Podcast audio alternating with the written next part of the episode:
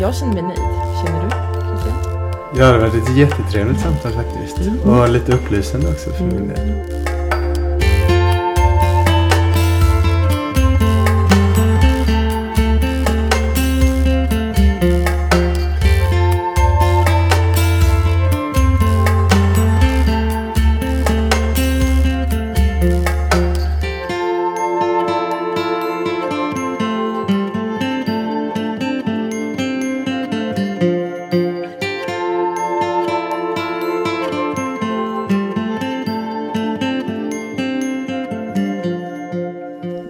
Lyssnar på Kass och Krass med mig, Cassandra Alm. Och med mig, Ida Krasse.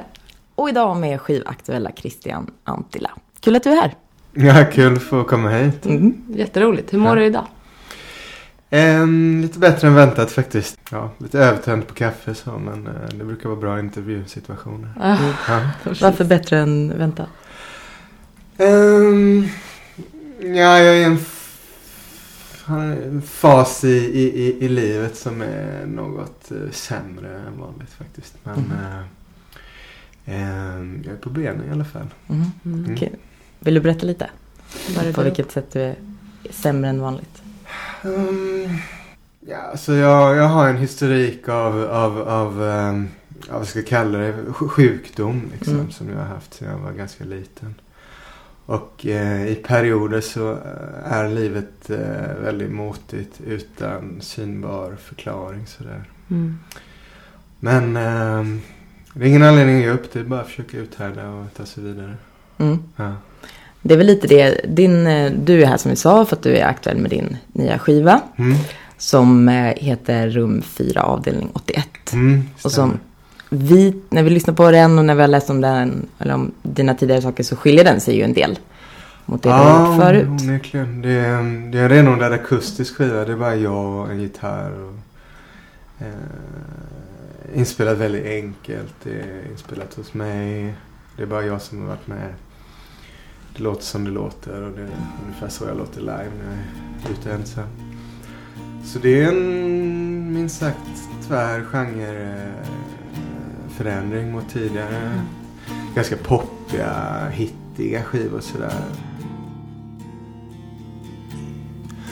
Genom dikter är den sant Genom färger är den chans Bit för bit som kan bli vi Rymmer hand i hand Genom kartor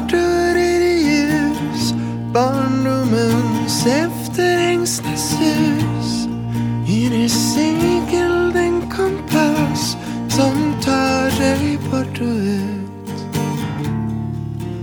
Men solen går nog upp imorgon igen.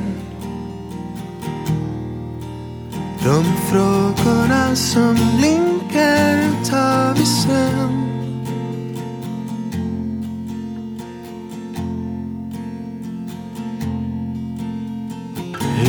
Livet är det som pågår medan du väntar på sådant som aldrig händer.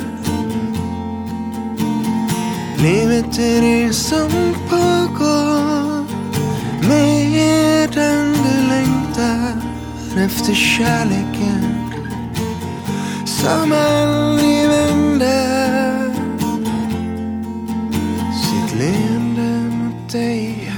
Skivan speglar ju där jag befinner mig i livet sådär just nu. Och det har varit eh, ganska träligt sådär sista åren faktiskt. Ehm, Mm. men där är jag nu. Men var du en eh, gladare person förut? När du liksom gjorde lite mer...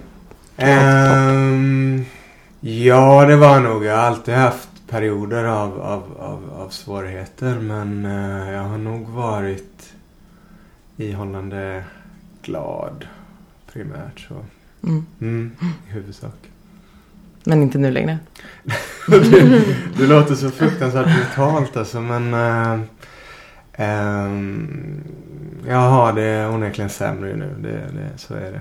Mm. Och ähm, jag har sökt och jag har sökt och jag har grävt efter anledning till det men äh, jag har inte riktigt funnit den.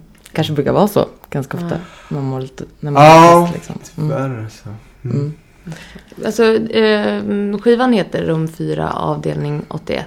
Kan Mm. du berätta lite om den platsen? Ja, rent... Eh,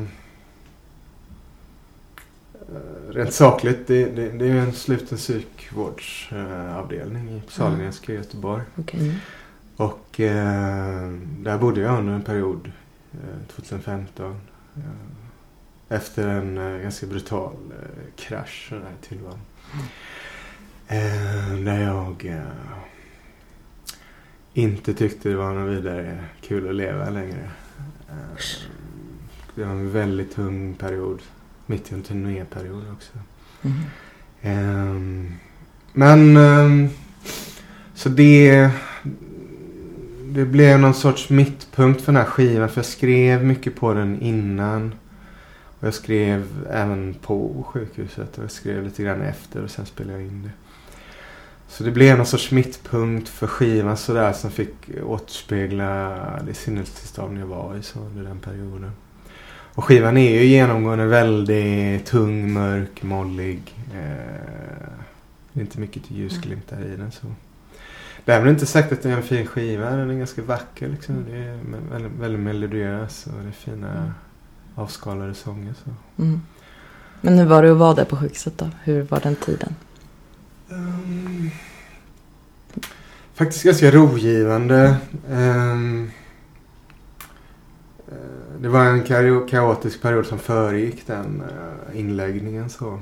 så det var skönt att komma till en plats där folk knackade en på axeln klockan 08.00 och bjöd upp en till frukost. Och sen var det lunch klockan 12.00 och sen var det middag klockan 16.00 och sen var det kvällsmat klockan 20.00 och däremellan så hände ingenting. Um, såsa runt i sina vita sjukhuskläder faktiskt. Ehm, men eh, det var ju välbehövligt. Jag behövde det för att förstå att jag behövde tagga ner lite grann i livet. Men vad var det, kan du inte förklara lite mer konkret? Eh, ditt liv innan var kaotiskt. På vilket sätt var det det? Ehm, jag levde ju med en ganska tung depression och hade samtidigt enorma ångestbesvär. Eh, präg, eh, framförallt i samband med eh, pressen jag kände av artisteriet. Behöva stå på scen och, leverera varje kväll. Sådär. Behöva resa mycket. Jag Skenande reseskräck också. Jag vet inte varför. Men jag var Mm. alltid rädd för att missa tåg. Jag var rädd för att missa flyg. Jag var rädd för att missa buss. Jag var rädd för att köra i diket med bilen. Mm.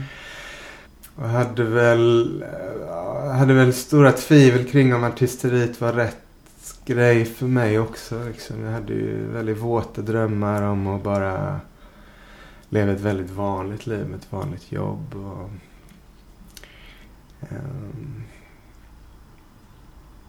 så det var ett väldigt dels hektiskt schema inom eh, ett, ett, ett yrkesval som jag tvivlade på väldigt mycket. Mhm. Och jag hade väl inte så många lufthål sådär i tillvaron just då. Så.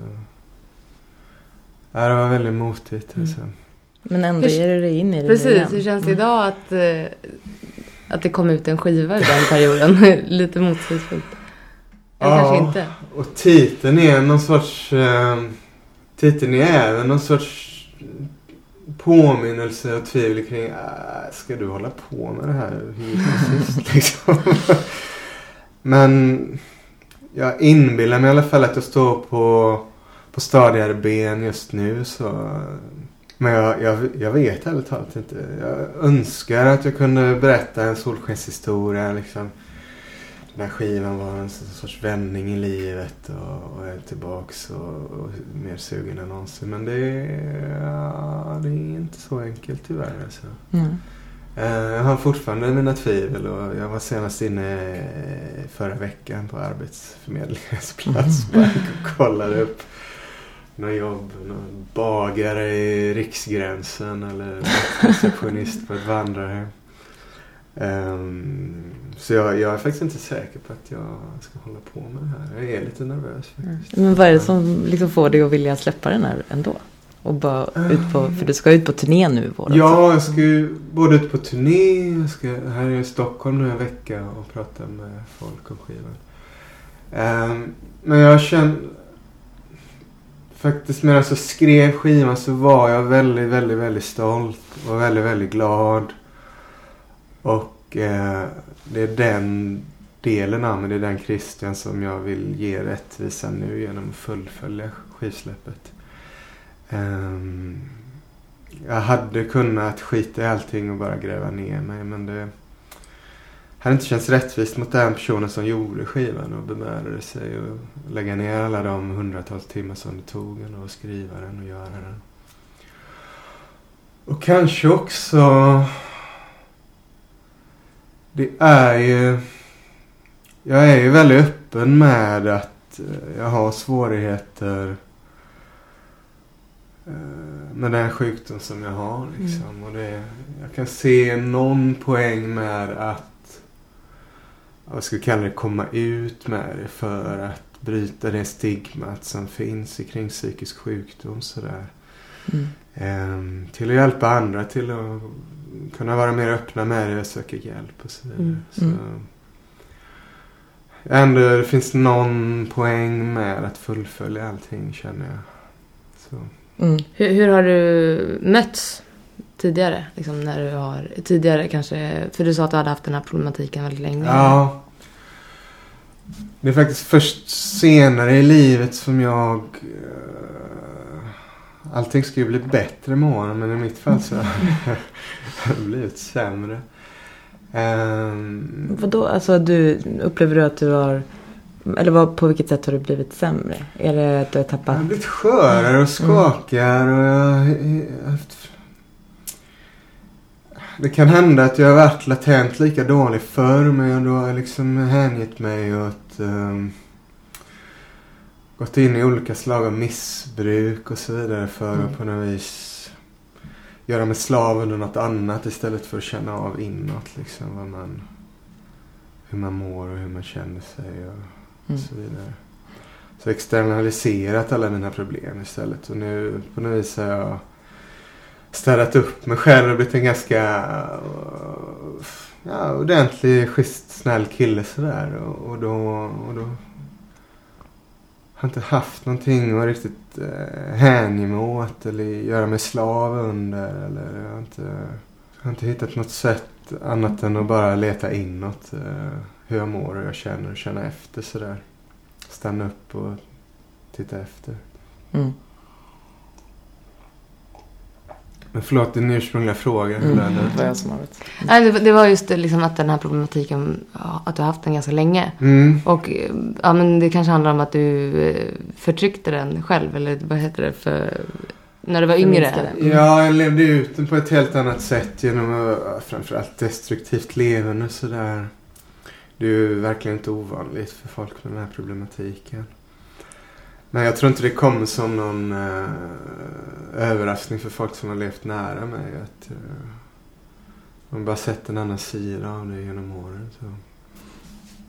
Men hur upplever vi har i ett tidigare avsnitt pratat om, eh, vi har haft en, en serietecknare som heter Fanny Agassi var mm. här och pratade om eh, sin nya bok. Ja. Som handlar om psykisk sjukdom. Ja, okay, okay. Bland annat. Och eh, hon, eh, då pratade vi ganska mycket om just det här att det är som du sa nu, att det är viktigt att liksom, du vill att det inte ska vara lika stigmatiserat, ja. att man ska kunna prata om det. Men hon upplevde, och vi också, att det är svårt att prata om det.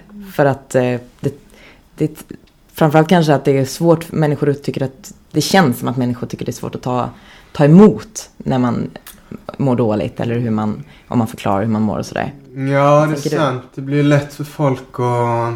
Det är svårt att prata om utan att folk på något vis vill hjälpa en men inte kan liksom. Mm. Um, och dels finns ju den delen där folk blir lite rädda för en. Vad, vad, vad innebär psykisk sjukdom egentligen? Alltså är det, kan du bli galen och plocka mm. fram en kniv i köket? Liksom? mm. Ehm, det finns ju många sådana fall också såklart. Men i de flesta fallen är det eh, ju uh, sjukdom i bemärkelsen att man, man, har, man bär en enorm smärta emellanåt. Och har svårt att, att finna bot på den. Um, Men det är viktigt att folk kommer ut och pratar om det. Framförallt offentliga personer som folk har en relation till sen tidigare. Jag tänker på Ann Heberlein, Micke Persbrandt har väl nyligen kommit ut som, eller har delat med sig av att han är där på en bipolär problematik.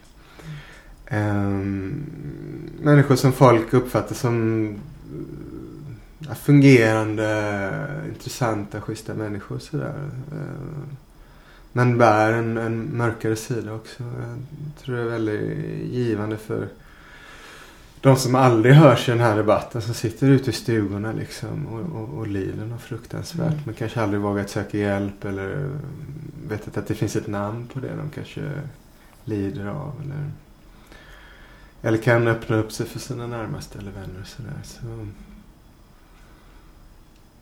mm. Ja, men jag, jag, kan tycka att det jag kan tycka att det är viktigt. Mm. Och jag har själv funnit stöd i Anne Heberlein exempelvis. Mm. Efter att hon skrev den här boken. Eh, jag vill inte dö, jag vill bara inte leva. Just det. Um, ja. Mm. Um, på din hemsida mm. så har du en liten presentation vad man ska säga. Ja. Då skrev du så här. Jag är man, jag är 36 år gammal, jag sjunger och jag spelar gitarr. Jag vet att det är dåligt, men nu är det så. Ja. Vad menar du med det? Um, ja, det finns ju, det finns ju onekligen uh, trender och, inom musiken precis som det finns inom allt annat. Och ensam man med gitarr, det, är, det, det ligger på något vis i hierarkin någonstans längst ner för närvarande. Mm. Um, och uh, jag vill väl skoja om det lite grann helt enkelt. Mm. Um, uh, att dela med mig av att jag vet att det är extremt ohippt men uh, det är så jag vill låta just nu och det är så jag låter just nu. Och det är det formatet jag har turnerat i de sista åren.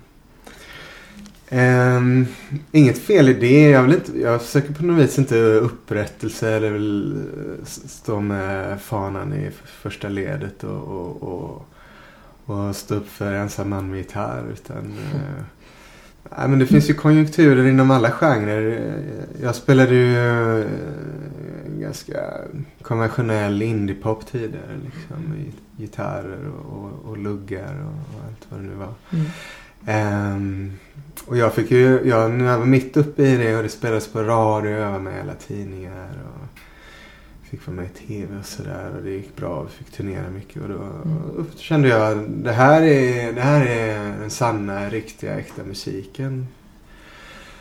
Till att jag märkte någonstans in på 10-talet någon gång att när jag började släppa skivor så började intresset svalna mer och mer och mer och mer och till slut så turnerade jag runt med en arenarockplatta på tomma fritidsgårdar och bara, mm. bara tog knäcken på mig. Så jag fattade inte vad som hade hänt. Men vad som hade hänt det var att jag hade blivit äldre och eh, men så det kommit en ny generation tonåringar som ville ha sina egna, nya, egna idoler. En ny generation som vill ha sitt eget soundtrack liksom. Och det blev ju kanske housen och modern hiphop och sådär. Och, och, och, och, det är ju fullt naturligt att det är så. Jag, hade bara inte varit, jag var inte beredd på det. Eh, men jag blev helt knäckt alltså. Att min artistkarriär kändes som över. Liksom. Mm. Eh, Tog du det liksom personligt? Ja, det tog väldigt hårt på mig. Och jag Åkte på en redig knäck då också någon gång 2012, sommaren där. Någon månad efter min skiva släppts bara vi turnerade lite här och var. Och det var jävligt deppigt. Men jag förstår vad du menar med att du säger att det inte är så hippt förut. Som du sa, det kom mm. andra genrer och det kanske liksom andra liksom, typer av människor som inte bara är en ung man också som liksom mm. blev mer spännande eller vad man ska säga. Mm. Men egentligen, om man tittar, det finns ju väldigt många, det är väl fortfarande en stor grupp som är män, unga män med gitarr. I alla fall unga män som är liksom, alla kanske inte spelar gitarr, men Max Grunegård, Håkan Hellström. Ja.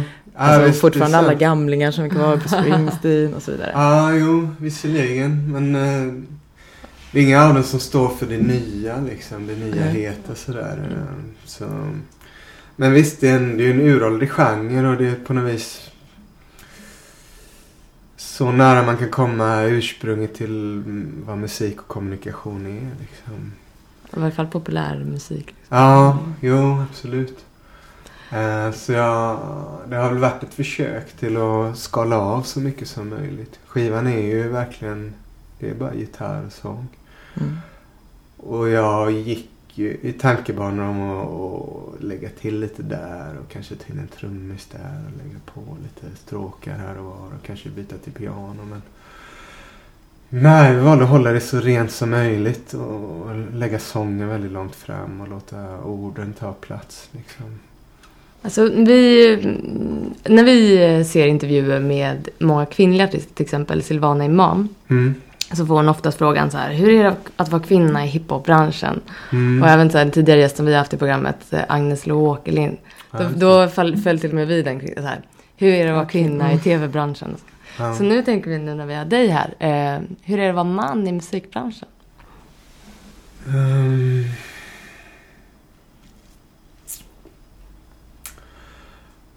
Den rollen har nog varit ganska självklar. Jag, ehm, när jag växte upp så var jag i stort sett alla mina förebilder män och musikbranschen Mm. dominerades ju av män. Så det var ju på något vis väldigt självklart att själv plocka upp gitarren och sådär.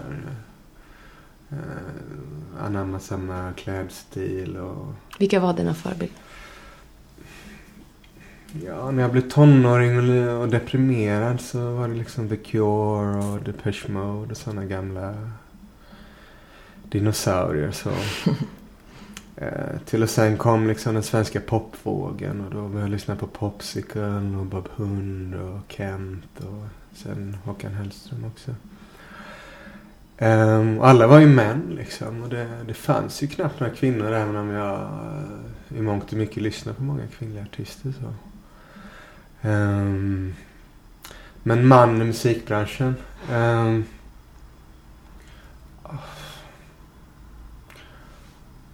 eftersom jag blir ganska tyst så måste det vara en ganska friktionslös Mm. roll sådär att ta. Um, I motsats till kanske Silvana Imam i hiphopbranschen. och så- Säkerligen kanske stött på um, mer friktion sådär och kanske behöva hävda sig mer än andra. Jag vet inte. Vad, vad gav de för svar? Jag är väldigt intresserad av. vad- Nej, jag minns att hon, eh, att hennes, hennes svar var ganska skönt tycker jag. För hon var så här, jag är kvinna, jag vet inte hur, hur det andra är. Nej, Så okej, jag är okej. mig själv liksom. Ja. Eh, och, eh, och sen hade, att hon liksom har haft ganska mycket framgångar. Så att hon, hon tyckte nog att det hade gått liksom Ja, ja. bra. Men att Mm. hon, det, var- hon hade liksom inget att jämföra med egentligen. Nej, jag Så, förstår. eh, men, om- men hon var trött på att få frå- frågan. Det var mer, mer det. Ja. Mm. Eh, Men och den kan ju vara en intressant fråga i, i jämförelse med en, hur en som är man känner Mm. då. Precis Mm. som du sa. mm, Mm. Det har nog varit, jag har inte tänkt på det så mycket så det har nog varit ganska friktionsfritt. Ja. Precis.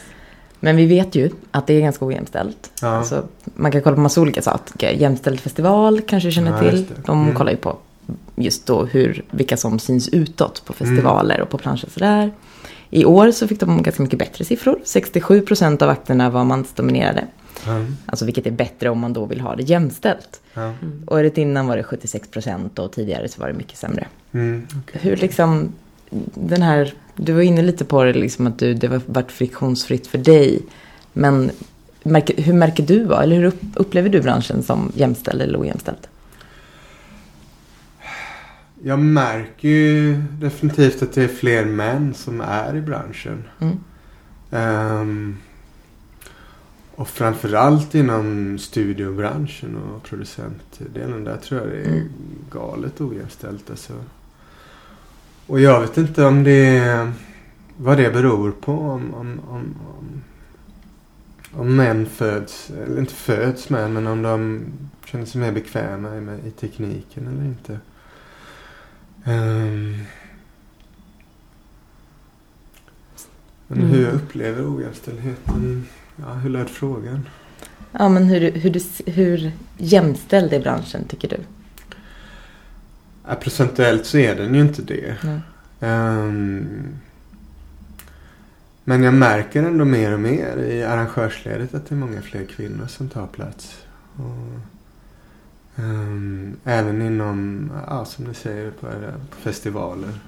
Mm. Ehm, och många arrangörer har ju uttalade policies att vi ska ha eh, när jag har turnerat så vill de, när de bokar mig så vill de ha en kvinnlig akt också tillsammans med mig samma kväll. Mm. Så i den bemärkelsen så, så, så är det ju en, en väldigt tydlig förändring sista fem åren definitivt. Mm. Alltså. Mm. Eh, för 10 för 10-13 år sedan när jag började då var det ju då fick ju fortfarande heta tjejband liksom. Mm. Det är helt absurt. Liksom. Ja. Man skulle beskriva en artist att det var ett tjejband. Vad fan är det liksom? Mm. Ehm, så jag tycker det sker väldigt mycket i en positiv riktning. så. Och med popkollos frammarsch. Alltså, det, det, det ska ju Mm. börja någonstans redan i, i, i, eh, i den fasen. Att fler kvinnor ska bli utövare också. Mm. Popkolla är alltså en skol, en utbildning, ifall någon lyssnar som inte vet Ja, vad det. är. En utbildning typ, som anordnas för tjejer. Mm, Där man precis. får vara med och spela musik och Skriva Lära låtar sig, och testa ja. instrument. Ja, jag tror ju personligen att det har, men just det här lite med producenter och sånt också, att Mm. det kan handla om eh, förebilder. Just att Mm. så här, som du sa tidigare, att, så här, att, att vara man och vilja börja spela gitarr, inga konstigheter för Nej. att det finns så många, så här, om han gör det, varför kan inte jag göra det? Medans ehm, ja, att, att, att, att bara se det liksom reproduceras framför sig och Mm. att då se fler kvinnor göra det tror jag kommer verkligen förändra, Mm. förhoppningsvis. precis, kanske snarare det än att mm, mm, du var inne på tekniken. Att det kanske Mm. handlar om att män är mer, att du sa jag vet inte om man är född så. Jag tänker att det är man inte utan det handlar om att vi, det är liksom i en bransch som där har funnits killar. Oavsett, alltså de flesta tekniska saker. Men om vi nu pratar om musik. Mm. Så är det, det finns en kille så föder det är en ny kille liksom. Ja, att det inte förstår. så många tjejer. Mm. Ja. Men ehm, ehm, ofta så får man också höra så att kvinnor, det är jättebra som du säger nu att det är på väg liksom. Du märker Mm. av en tydlig skillnad och sådär. Ofta får man höra att kvinnor ska, oavsett om det handlar om musik eller vilken bransch eller vad i samhället, en diskussion, vad som helst.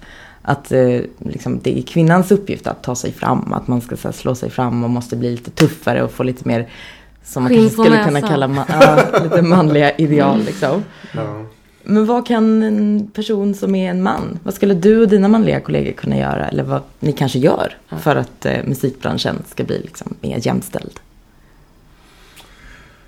Ehm, Är det sånt du funderar på?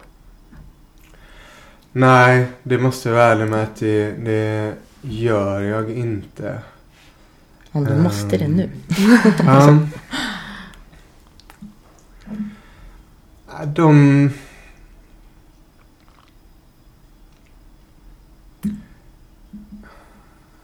Där jag har möjlighet att kanske göra någon skillnad det är väl de tillfällen jag själv kan välja ett förband exempelvis. Mm. Där jag kan välja vilka artister jag producerar i min studio. Ehm, där jag kan välja vilken turnépersonal jag ska ha. Ehm, det är väl de bitarna jag nu spontant kan komma på där jag kan göra någon skillnad. Så. Mm.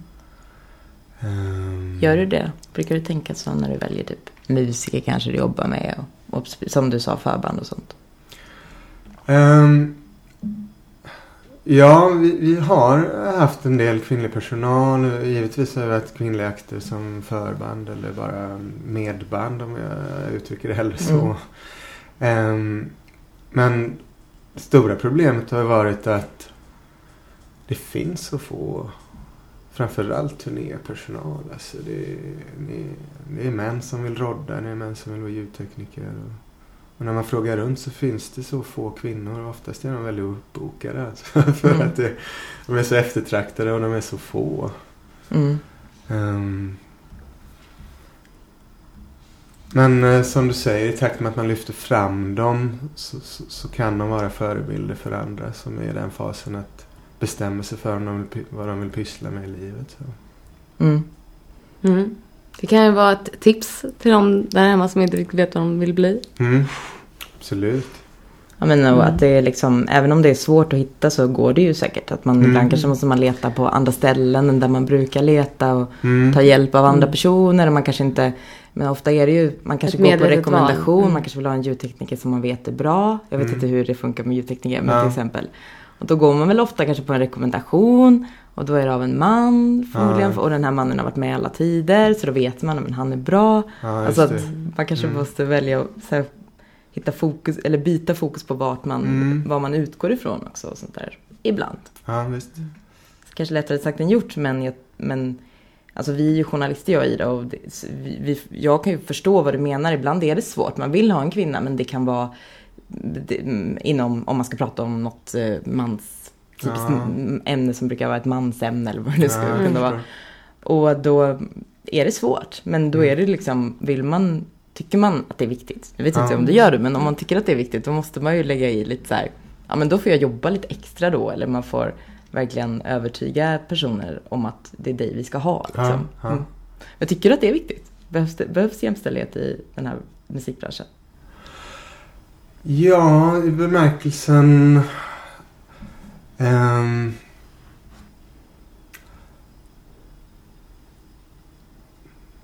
ja, det behövs. ehm, I bemärkelsen att, att, att förebilder krävs för att kvinnor ska känna sig bekväma i att vilja göra det de vill göra.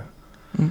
Män har känt sig begränsade av att jag kanske inte har de förebilder som krävs för att våga ta sig an uh, Låt säga uh, bara rappa exempelvis. Mm. Det fanns ju extremt få för låt säga tio år sedan bara. Till att nu ha låt säga Silvana som förebild exempelvis. Då är steget inte långt till att vilja pröva själv. Precis. Jag vet inte själv om jag hade plockat upp gitarren om det som det var förr. Liksom 99% av alla som spelar depprock var liksom män. Ehm, om de hade varit kvinnor istället hade jag känt att jag hade haft en plats i det. Jag tror inte jag hade ty- tyckt det var lika naturligt alltså. Absolut inte. Nej. Och då hade ju det förhindrat en dröm som jag bar på liksom. För att jag inte kände mig bekväm i den rollen. Eller att det fanns inga förebilder som hade kunnat säga att det var okej bara. Mm. Nej precis, för det kommer ju i två led också. Att dels en förebild för mig och sen också eh, hur, hur allmänheten ser på det. För Mm. ja, men som jag såg du, hur du googlade fram Mm. Rättviseförmedlingen. De har eh, liksom en hel lista på ljus och ljud och ljudtekniker. Och så. Jaha, Men, ja, det har de. Tänk på det till nästa. Men, men för det handlar ju också om, om, eh, om vad liksom utomståendes blick eller, eller förväntan. Nej men det finns inte så många. Mm. Då struntar vi i det. Mm. Alltså att det handlar om att bryta liksom, normerna från båda hållen. Liksom. Mm. Dels förebilder och dels också att eh, den förutfattade meningen som, som säkert kan finnas också. Att, att nej, det, det är inte så vanligt. Mm. Mm. Tror jag. Mm. Absolut. Eh, eh, vi har en programpunkt som eh, heter Kassokrass tipsar. Eh, och gästerna får också jätte- jättegärna komma med tips. Har du något du tänker på Christian? Ja, när vi ändå småpratade tidigare om tv-serier så skulle jag vilja rekommendera tv-serien The Wire. Ehm, jag är nog inne på fjärde vändan och tittar på den. nu, alltså. Ehm, en väldigt realistisk skildring av ehm, poliser och eh, knarklangare i eh, Baltimore i USA. Ehm, helt utan filmmusik. Ehm, allting är skildrat väldigt realistiskt. Eh, Jag känner eh, väldigt befriande nog att eh, regissören inte vill säga åt en vad man ska känna genom filmmusik utan det är bara, det är bara tyst hela tiden. Ehm, Det har jag faktiskt aldrig tänkt på. Men det, nu när du säger det så. Ja. Mm, det är Ja, sant. andra musiken man hör är liksom eh, det som blastas ut ur bär, bärsprängare Mm. och kanske ur, ur bilar och sådär. Ehm, annars är den uh, karg i den bemärkelsen. Men just därför väldigt realistisk och ärlig skulle jag vilja säga. Så har ni inte sett den så jag ger den eh, ett par avsnitt alltså. Mm, Mm. verkligen. Jag håller med. tips. Väldigt bra tips. Uh, ja, jag har inte kommit på något tips.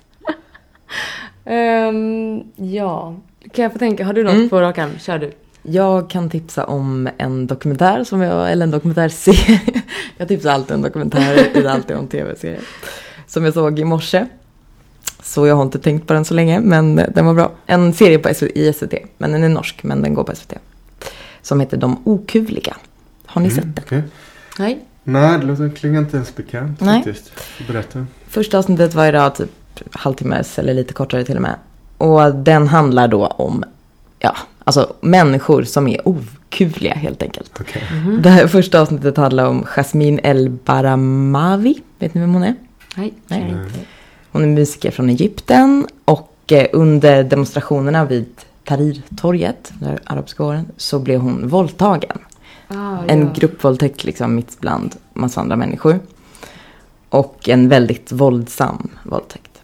Och ehm, först så var hon tyst om det här. Men efterhand så började hon prata om det och så när demonstrationerna fortsatte så visade det sig att det var jättemånga kvinnor som blev våldtagna. Och det här har liksom fört upp hela diskussionen om eh, sexuellt våld i Ja, okej. Egypten. Eller gjort det väldigt mycket mer Mm. gjort den väldigt mycket mer större.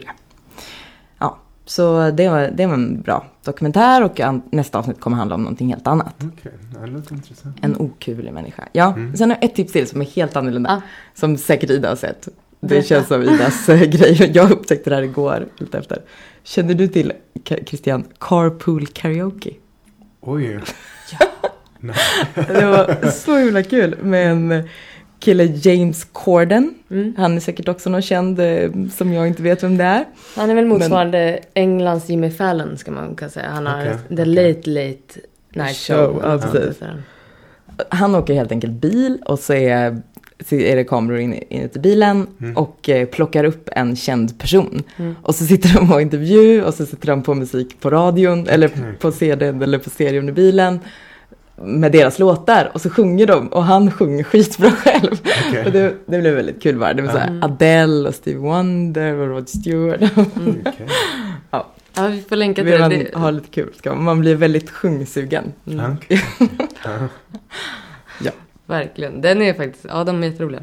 Okej, nu har jag kommit på ett tips. Mm. Det handlar också om musik. Och det är, ehm, det är faktiskt min egen play, eh, vad heter det, spellista på Spotify. Ja, För jag, den, ja, den heter Slowmo. Eh, och jag, tipset är egentligen bara att gör en egen spellista eh, med ballader. Jag älskar ballader. Det är liksom... Och tipsa dig. Precis, tipsa mig om fler ballader. Nej men för jag har en spellista då som heter Slowmo där jag bara samlar alla mina favoritlåtar som är lugna. Och just nu är jag uppe i över 12 timmar. Och det är så härligt att ha den här spellistan i de flesta lägen. Men så här, när man käkar middag några stycken sätter man på det. När man ska gå och lägga sig sätter man på det. När, ja, det är Okej, väldigt härligt ja. att ha. Mm. Så om man vill följa den så kan jag lägga ut en länk och om man vill skapa sin egen så skicka gärna den till mig så får jag följa den också. Jag följer den, den är bra. Ja, jag känner mig nöjd. Känner du, Christian? Ja, det har varit ett jättetrevligt samtal faktiskt. Mm. Och lite upplysande också för min del. Mm, Jätteroligt att ha dig här. Mm, Kan du inte bara berätta kort om din turné eh, som du ska ut på lite senare i vår? Ehm, ja, nu är delar av den inte eh, officiell ännu. Eh, kanske den är när vi sänder det här. Vi har en turnésväng två veckor i Norrland med start eh, 18 februari. Och sen gör jag fyra större spelningar i Göteborg på Storan, eh, på Victoriateatern i Malmö, Södra Teatern i Stockholm och Katalin i Uppsala. Och det är slutet av april. Hjärtligt välkomna alla. Mm. Mm. Mm. Roligt. 12 februari släpper du skivan Ja. som alltså heter Rum 4 avdelning 81. Ja. Får hoppas att du känner dig lite pepp då på den Ja. här turnén när det är dags. Precis. Ja, det är det nu. Mm. Ja. Mm. Vad bra. Ta hand om dig. Ja, detsamma, detsamma. Tack för att du kom hit. Ja, tack själva. Och tack För att ni har lyssnat. Hej då. Hej då! Hej, hej.